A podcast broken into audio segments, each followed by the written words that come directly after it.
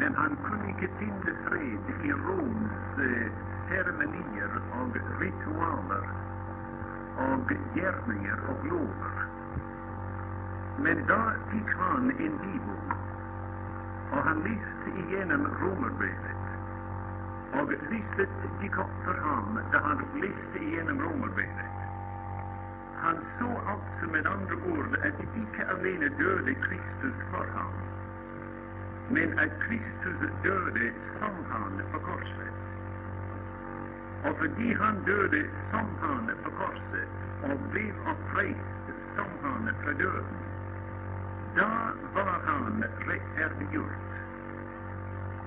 Och aposteln Paulus uppsummerar det, det hela som han skrev i det första, fyra kapitlen i sitt brev, men å i det sista, vers i det fjärde kapitlet, han som blev given för våra överträdelser blev oppreist till vår rättfärdiggörelse. Och då det är sant, om det är tillfället, då säger han då är vi rättfärdiggjort med Gud. Och vi har fred med Gud vid vår Herre Jesus Kristus. Og jeg vet ikke om alle her, jeg tror de aller fleste her i dag, både troende og kanskje om det er dem som ikke er troende, at jeg har lest iallfall en del i Bibelen og kjenner til disse Guds menn, menn som Abraham og Moses og disse andre. Og om vi tenker tilbake, skal vi finne at disse menn ble frelst og ble rettferdiggjort da de hørte Guds ord, och de trodde på honom, och de ble rettferdiggjort ved troen. Och det är det som aposteln Paulus skriver om i, det, i Romarbrevet. Jag skulle gärna, mina vänner, att alla som är här i afton, att allesammans ville gå igenom detta vidunderliga brev, alltså brevet till romarna. Ty Det är det brevet som är beregnet på och befriar våra själar från både tid av mørke og för oss inn i Kristus Gud. Når vi finner i dette lille vers som jeg leste, det siste verset, det fjerde kapittel, at han ble given for våre overtredelser. Vi står liksom der ved Golgata, og vi ser Guds elskede sønn hengende på et kors. Og vi ser hvordan vredens og dommens bølger går over ham. Och vi ser, mine venner, ifølge dette vers her, at våre overtredelser og våre synder ble lagt på ham der. Og det knuget ham ned da han hang der, under himmelens dom. Og som han hang der, da sang dommens mørke om ham velsignede bord. Og han sank dypere og dypere ned i disse dagar. Og som du og jeg står der og ser på dette eh, dette, denne skue ser Guds son på ett kors, da kanskje kunne de spørsmål ha meldt seg i våre hjerter at er han virkelig der for meg? Dør han virkelig der på dette kors for min skyld? Er det mine overtredelser og mine synder han bærer der på dette kors? er det min dom og min død ligger Och som, som Gud dömer honom för, där, där han hänger på korset. Och då kommer evangeliets svar till våra hjärtan, Jo, det är nettopp våra synder och våra överträdelser som han bärar, och han bärar straffen för dem, såret för våra överträdelser, knust för våra misgjerninger där han hänger på korset. Men det är icke det, mina vänner, som frälser oss. Vad jag menar är, det icke bara bare han blir given for våre överträdelser och dör där i vårt rom och sted, och dör där som oss. Men spörsmålet är, är Gud tillfreds med vad han gjorde där? Är Gud till fullkomment tillfreds med de lidelser och den död han dör? Till om han är tillfreds med det, då ska han uppenbara det vid och prisa honom för det døde. Och det var nettopp det då vi väntar där och står liksom skälvande där vid Golgata, Och vi ser honom där, mina vänner, som han böjer ändligt sitt huvud där efter han ropte till en lucket himmel, min Gud, min Gud, varför har du förlatt mig? Och han böjer sitt välsignade huvud med tyngden av våra synder og overtredelser på sig. Och han uppgiver sin ånd. De lägger ham där i en grav, Och han ligger där, dessa tre dagar i denna graven. De satte seil på stenen där, och han ligger där. De sände en vakt för att passa på att denne döde man icke skulle bli levande igen. Men se mig kunde de hålla denne döde man död. Kunde de hålla Guds son i graven? alldeles icke dina vänner, ty på den tredje dag sprängde han gravens portar, och han kom tillbaka igen. Nu vel sier aposteln, om det till dem, då är det eneste troende rättfärdiggjort. Om han bar våra synder där på Golgates kors, om han bar våra överträdelser och fick vår straff där, og Gud var så tilfreds med det han gjorde, at han eh, gikk inn i selve dødens område.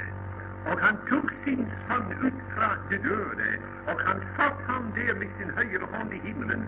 Nå vel, sier apostelen, gudskjelov, da er det eneste troen på ham rettferdiggjort. Han ble given for våre overtredelser og oppreist til vår rettferdiggjørelse. Det er den største sannhet i hele Bibelen, altså Kristi oppstandelse fra de døde. Jeg tenker nå når jeg sier det, at den gangen da, da, da eh, revolusjonen var i Russland, altså da kommunistene overtok styret i eh, Ryssland. Russland Jeg husker godt den, den tiden. Og etter de hadde fått makten, da ble det enige om at en av de største hindringer til deres revolusjon var religion eller kristendommen. Och de bestämde sig för att nu ska de utrida kristendomen. De trodde det var en ganska lätt sak att göra det. De begynte på många olika måter. En måte var de sände vältalande, de talare runt omkring i landet för att håva flammande talare mot Kristus och Gud och himmelen och Bibeln. Nåväl, en av dem kom till ett ställe och han tog det största lokalet som var på stället. Och de lokalet var alldeles pakket till trengsel den afton han talade. Och när han var färdig med att tala, denne sataniske tale, då sa han till eh, nu vem som helst är fri har frihet till att komma fram och spöra spörsmål, eller till att tala emot i ämnet. Han trodde inte att någon ville våga sig till att ta emot emnet när han var färdig. Men efter en liten paus, då hörde folk et och Og de såg i riktningen av det, och de såg en ung man som kom från längst ned i salen. och han kom ganska ydmyg i, i, i riktningen av talarstolen. Folket kunde förstå från hans kläder, att han var en ung, fattig prest fra, en en lille landsby. Och de, de såg på honom, Han gick där, Han gick alltså upp mot talarstolen. Då han kom där, då sa denne barske fritänkare, nu bara fem minuter, sa han. jag skall tala kort, sa den unge mannen. Och han stod upp på talarstolen, och han såg folket in i ansiktet.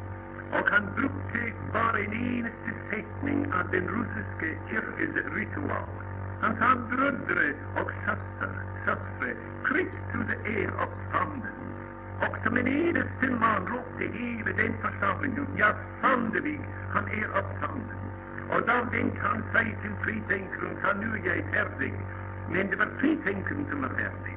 Alltså den kraftiga sannhet, mina vänner, att Gud älskade son, som han där på Golgates kors under tyngden av världens synd av våra synder och överträdelser, att han, Gud kom in i den graven, och han blev oppreist fra de döda vid Faderns härlighet.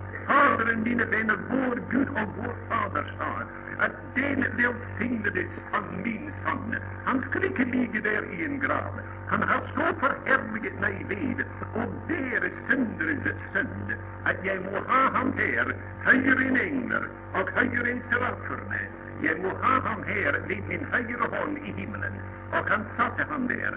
Og han sitter der, mine venner, den dag i dag. Jag tror det var en liten fortelling som eh, så mycket tider forteller om denne kände gudsman, eh, Macintosh. Han är mycket känd runt om det skandinaviska land på grund av böckerna han skrev. Och i England den gången där han levde, där de betalte skatt, där kom skatteavkrävaren omkring. och de betalte skatten till honom. Och den dagen när han kom till Mr. Macintosh, då sa eh, Macintosh, när han fick kvitteringen, då sa han till skatteavkrävaren, det är välsignelse, sa han, icke och skyldig något menneske noe. Ja, sa skatteavkrävaren, men det är icke många som kan se det. Ja, men jag kan se mer än det, sa Macintosh. Jag kan se icke ikke varken Gud eller mennesket noe. Ja, det var meget, sa han, och kunde se. Men jag kan se samma ting, sa han, ty jag är nämligen en troende. Det gleder meg, sa Macintosh. Men om du då icke skylder Gud något, var är då kvitteringen för att gälden din är betald? Jag betalte nu i skatten din, och jag fick en kvittering. Men var är din kvittering för att gälden är betald? Jo, att eh, Kristus döde för mig. Jo, då bar han dina överträdelser. Då betalade han gälden din. Men var är kvitteringen? Jo, jeg hadde en indre overbevisning at gjelden er betalt. Ja, sa Macintosh, men vil det en, det en indre overbevisning være gyldig i en rettssal? Om jeg ble krevet for eksempel å betale skatten om igjen, og jeg sa til dommeren jeg hadde en indre overbevisning at gjelden er betalt, dommeren ville si at jeg krever en, en kvittering. Jeg krever å se kvitteringen. Nei, sa denne mannen, du må hjelpe meg, jeg vet ikke hva du mener. Og da siterte Macintosh dette lille vers her. Han ble given for våre overtredelser. Altså der betalte han din og min gjeld. Men oppreist til vår rettferdiggjørelse, der er kvitteringen for at gjelden er betalt. Og så vi står, mine venner, utenfor den grav, den, den åpne grav, så vi står utenfor der, og vi ser denne velsignede mann, han som hang der på Golgata for vår skyld. Och vi ser Han nu oppstanden från de döde, som vi synger i Norge. Jag såg Han i haven, och aldrig så skön jag han så. Kristus, mina vänner, är oppstanden. Jesus lever, och graven brast. Och det är en uppstanden Kristus vi talar och framställer och predikar för edel Icke en död Kristus, men en oppstanden Kristus. Och en som gjorde syndens spørsmål fullkommen färdig du vet, David gick ned i dalen, som vi vet, och han traff en Goliat, och han, han tillintetgjorde honom och halshugget honom. Jesus, mina vänner, den verklige David, gick ned i dödens dal, och han traff icke bara en Goliat, men han traff sju väldiga kämpar. Domen traff han, djävulen traff han och döden och, och, och dessa lidelser som han, legemlige lidelser sa han, Och han gjorde dem allesammans till til intet, Och han uppfyllde igen fra de döda. Nåväl, det var det jag skulle komma till. Vad gav mina vänner er følgende det hela?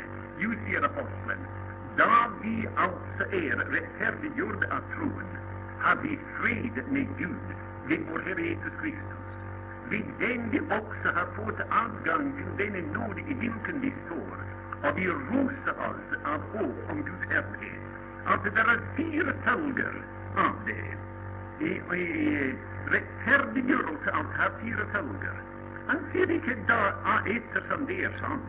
Eftersom Jesus är död och uppstånden, nu har vi fått forlatelse. Forlatelse, mina vänner, är en ting. Rättfärdiggörelse är en helt annan ting. Säg till exempel, jag blev eh, arresterad av, av politiet det, det, jag tror inte han är här, i afton, så han skulle inte göra det. Men om jag blev arresterad av politiet och satt i rätten och anklagad för en fördrivelse som blev, begått här, för exempel för en, en åtta dagar sedan. Men där, där kunde jag få beviser i massvis som kunde bevittna att icke jag var en, en gång på terrornätet. Och då ville domaren se nåväl, det är klart att icke McKinnon är skyldig. Han går från rättssalen rättfärdiggjort. Det rättfärdiggörelse. Men det ser min käre, icke något mänsklig, någon mänsklig domare kan göra det med en förbrytare. Nej, mina vänner, men Gud kan göra det. Och hur kan Gud göra det? På den måten som Andrew talade idag. Han förtalte om denne unge man som skaffat sig en städförträdare. Och städförträdaren gick i slaget och fall ner. Och då sa myndigheterna, då saken blev satt inför myndigheten, att myndigheterna har ingen krav på den unge man, han är död. Mina vänner, Jesus döde, han döde icke alene för oss, men han döde som oss. Och är att rest för de döde som oss. Vi är rättfärdiggjort. Låt mig bara säga till jag skulle icke hålla på mycket längre. Men om man ser den bästa illustrationen av rättfärdiggörelse som jag någonsin har läst. Har vi i fjärde Mosebok i det tre och tionde eh, kapitlet. Vi finner där att Israel låg nere där i, i öknen. Och det var en styggman upp på bergen där, ett bild av, av Satan simpelthen, den falske profeten William. Och William ville gärna förbanna dessa folk där nere i, i öknen. Och för att få alltså tag i, i kung Balaks gud och, och skatter och slikt. Men då kom Gud den man i möte. Och han sa till William, du ska icke förbanda de folk där nere, till jag har välsignat dem. Men du ska gå tillbaka till den, eh, till Balak, och du ska tala de ord som jag lägger nu i munnen din. Och han kom tillbaka och han sa med andra ord, eller han sa bland andra ord, ej skuer jag urrätt i Jakob, ej ser jag eländighet i Israel. Ja, men mina vänner, om icke Gud ser urrätt i dig och mig, om icke han ser eländighet i oss, då är vi rättfärdiggjort. Om du och jag hade stått vid sidan av Herren den dagen då han talade dessa ord till, till Biliam, då kunde vi ha sagt, men åh min Gud, jag, jag vågar mig till att tala till dig om en jag bara är stöd och aska. Men åh min Gud, har du glömt den gången då det knurrade där vid, vid Mara? Har du glömt den dagen då du skulle stena Moses och Aron och Kalv och Josua? Har du glömt dessa andra tider då de synde så grusamt emot dig? Nej, ville Herren säga, jag har icke glömt det. Men han ville ta dig och mig, mina vänner, ta oss ned i leiren, För oss igenom tabernaklet och innen bak det förhäng där i, i tabernaklet. Han ville säga till dig, vad ser du där? Jag ser blodet där. Jag ser en bloddroppe.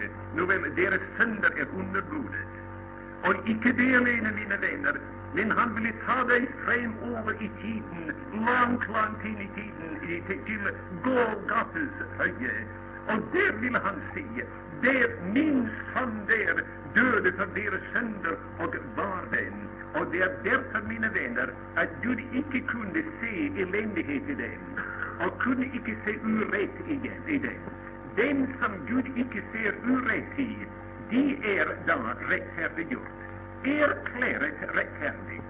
Och det är det vi har sagt aldrig idag.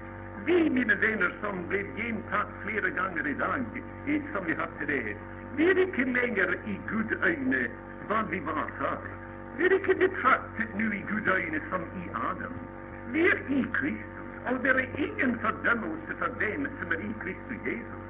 Det är fel och mangler för dem, Det är sjukdom och sorger för dem Men det är ingen fördömelse för dem som är i Kristus Jesus. Det är den första ting då. Kristus har gjort allt. Och för han är uppstånden. Och vi är död med honom och uppstånden med honom. är säger aposteln, då är vi rättfärdiggjort. Och den, and, den andra tingen är att vi har fred med Gud med vår Herre Jesus Kristus. Og la meg si til alle, kanskje unge troende og eldre også i dag, at fred med Gud er ikke hva vi somme tider prøver å forestille oss. Vi prøver å opparbeide oss til gode følelser og glede og slik, og da tror vi vi har fred med Gud. Det er ikke fred, mine venner. Eh, Jeg husker den tiden, kanskje det er ganske få her i dag som husker det. Det er en del gamle her som husker det. men den gangen da det var eh, krig i Syd-Afrika, boerkrigen som vi kaller det, og den gangen der var eh, en, en, en by som heter Ladysmith, och i den by var det brittiska eh, inbyggare. Och det var omringat av boerne. Och krigen varit. Och de var trygg nog så länge de hade både ammunition och mat och band i byn. Men det kom en dag, mina vänner, då de slapp upp för både band och mat och ammunition. Och det var på eländigheten, på, på överdrivelsens rand, alltså. Men plutselig kom det et telegram. Og telegrammet inneholdt disse ord 'fred', undertegnet i Pretoria. Det var alt. Og da de fikk det telegrammet, de, de tok de åpnet sine butikker igjen og de falt hverandre om halsen. Og telegrammet inneholdt disse ord 'fred', undertegnet i Pretoria. Det var alt.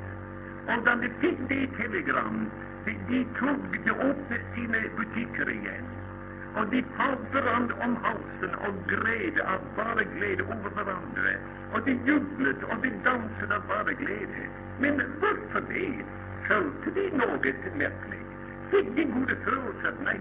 de fick ett ord. Och ordet fortalte dem om att segern var bunden. Att segern var bunden och fred var stiftet. Fred var undertecknat. Det dagen det vi kommer till eder, mina vänner, med i aften. Fred är icke gode følelser. Fred är en, en gode følelser är sand, men eh, fred är en klippe som är urokkelig. Og vi kommer til er i aften og forteller eder at langt tilbake, snart 2000 år siden, det var et sted der utenfor Jerusalems murer, og der traff Gud og mennesket sammen i personen av ham som var både Gud og menneske, den Herre Jesus Kristus. Og freden, mine venner, ble gjort der. Gud gjorde freden ved hans korsets blod. Freden er gjort. Og når du og jeg da tror på den Herre Jesus, og vi er rettferdiggjort, da har vi fred med Gud ved vår Herre Jesus Kristus. Så helt opp til himmelen nå, for eneste troende kan se opp til himmelen, og de kan si det er ingenting mellom Gud og meg nå. Alt sammen er fjernet. Det er fred nå. Fred mellom oss. Men ikke bare det. Du sier kanskje, noen ville kanskje si nå vel, da skal vi få det godt når vi kommer til himmelen, og det er sant. Vi får det herlige når vi kommer til himmelen. Det blir aldeles vidunderlig, mine venner, den dagen. Jeg lenger etter det mange, mange ganger. Og jo eldre jeg blir, desto mer lenger etter det. Tenk å trede inn der gjennom, gjennom himmelens perleporter. Tenk å komme der og se Ham som våre sjeler elsker. Det blir aldeles vidunderlig. Men vi behöver ikke vente inntil vi kommer til himmelen for å nyte disse herlige gleder. Til apostelen sier at en del av denne rettferdiggjørelse er ikke bare fred med Gud, men ved ham har vi fått adgang til denne nåde i hvilken vi står. Vil det være et sted her nede? Du sier ja, men Faderhuset er der oppe, og det er sant. Men det er en fader, et faderhus her nede. Hva var det hus, mine venner, i Lukas 15? Det var Faderhuset. Det var en fader som speider efter sin fortapte son. Och är där en här i dag, en ung man eller kvinna. Och du har aldrig kommit till fadern. Aldrig har du kommit tillbaka. Du är framdeles ute i världen, ute i mörkret, i kunden. Du känner inte Gud. Du har inte fred med Gud. Ah, där är en Fader, min käre vän som står där och han speide efter dig. Och ligger som Fadern i Lukas 15 han, han, så snart han såg var en bevegelse i den unge mannen själv. Den unge mannen sa jag vill stå upp och gå till min fader'. Det var allt. Och han stod upp. Och ögonblickligen eh, läser vi att Fadern såg honom. Och Fadern ynkades innerligt över honom. Og Faderen skyndte seg. Den eneste gang i Bibelen der Faderen skyndte seg, var der i uke 15. Og det, han sluttet ikke før den sønnen var brakt inn i Faderhuset. Det er en faderhus her nede, mine venner. Og i det faderhus er det himmelske gleder. Vi får en forsmak av himmelen på veien til himmelen.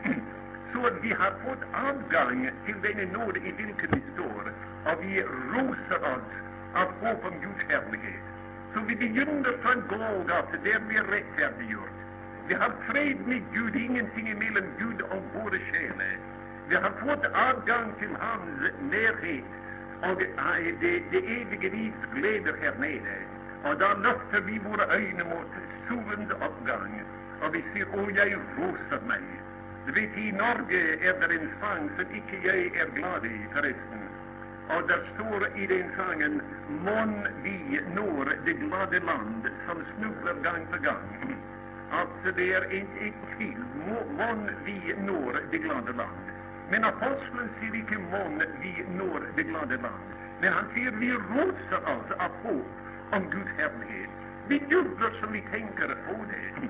Nu är det jag sätter mig, låt mig nämna att den boken som är världens känd, alltså John Bunyans 'Pilegrimsvandring', som alla borde läsa förresten. det är den eneste bok, tror jag. Jag har läst mångfaldiga böcker i disse om omtrent 30 år. Ja, 30 år sedan jag blev omvänd. Men jag tror John Bunyans 'Pilegrimsvandring' är den eneste boken jag var lei över da, da den var färdig. Jag had, jeg ønsket det var bare meget lenger enn det var. Mycket större. Nåväl, John Bunyan förtäller i sin bok att då han passerte korset där han tappade byrden, han kom med den tung byrde till ett sted där det var en öppen och tom grav och ett tomt kors. Och då han såg på korset, då brast bonden som band byrden till honom. Och byrden föll i den öppna grav. och pilgrimen danset og gred av bare glede. Men etter han passerte korset og gikk opp det der som heter vanskelighet, da endelig kom han til et, eh, et slott som heter skjønnhet. Jeg kan ikke stanse for å si hva slottet skjønnhet eh, betyder efter eh, min forståelse av det. Men han kom inn i slottet skjønnhet og fikk en härlig mottagelse der av etter eh, aftens måltid da samtalte de om disse dyrebare ting felles for alle sammen i verden. Og da de var ferdig med det, da ble han anvist till værelse der han skulle tilbringe natten. Og værelsets navn var Fred. Og da han lå der i værelset Fred, altså korset var bak ham, akkurat som i, eh, i Romerne 5 her. Og det hade bare et eneste vindu, och vinduet såg ut emot östen, emot soluppgången. Korset var bak och soluppgången var foran honom. Och innimellom låg han i værelset Och Og han vågade om morgonen, sang han, Å Jesu kärlighet, således sörjer du för arme själe, att jag tillgives och på dette sted, så när till himmelporten allt tør Och han jublade och han glädde sig där. Det, mina vänner, är vad vi har i dessa två dejliga vers i Romerbrevets eh, femte kapitel. Bakåt är det vågat med all den sorg och lidelser och tårar och hunken eh, där på korset. Och föran oss vi løfter våra ögon mot hösten och vi rosar oss av hopp om Guds härlighet och innimellom det ligger vi i værelset fred. Och då kan vi också som, som bondens pilgrim också vi kan synge O Jesu kärlighet, således sörjer du för arme sjeler, att jag tillgives och på ditt sted, så när till himmelporten allt tar dvele. Nu mina vänner, låt mig bara se i det jag säger för meg, är det en eneste en här i aften som icke har fred med Gud? Är det en här ikväll som lever framdeles ute i kloden, si mig varför min vän, varför? Är icke Kristus väl värt oss stå på? Är icke vår Gud, mina vänner, som löper för att ta emot den tillbakavändande forlorens son, är icke han väl värd att ge ham hela vår tillit? Eftersom Jesus, min vän, döde för dig, eftersom han forlot guddomstronen og du til Golgata for deg, vil ikke du gå til ham i aften og si til ham, som du ser opp i hans vennlige, kjærlige, velsignede ansikt, takk, min velsignede frelser, du gjorde alt sammen for meg, påtok deg hele mitt ansvar, du er min frelser, jeg tror på deg. Og vet du hva han skulle si til deg? Han skulle si til deg, uten gjerninger altså, utan något annat, din tro har frälst dig. Gå bort i fred.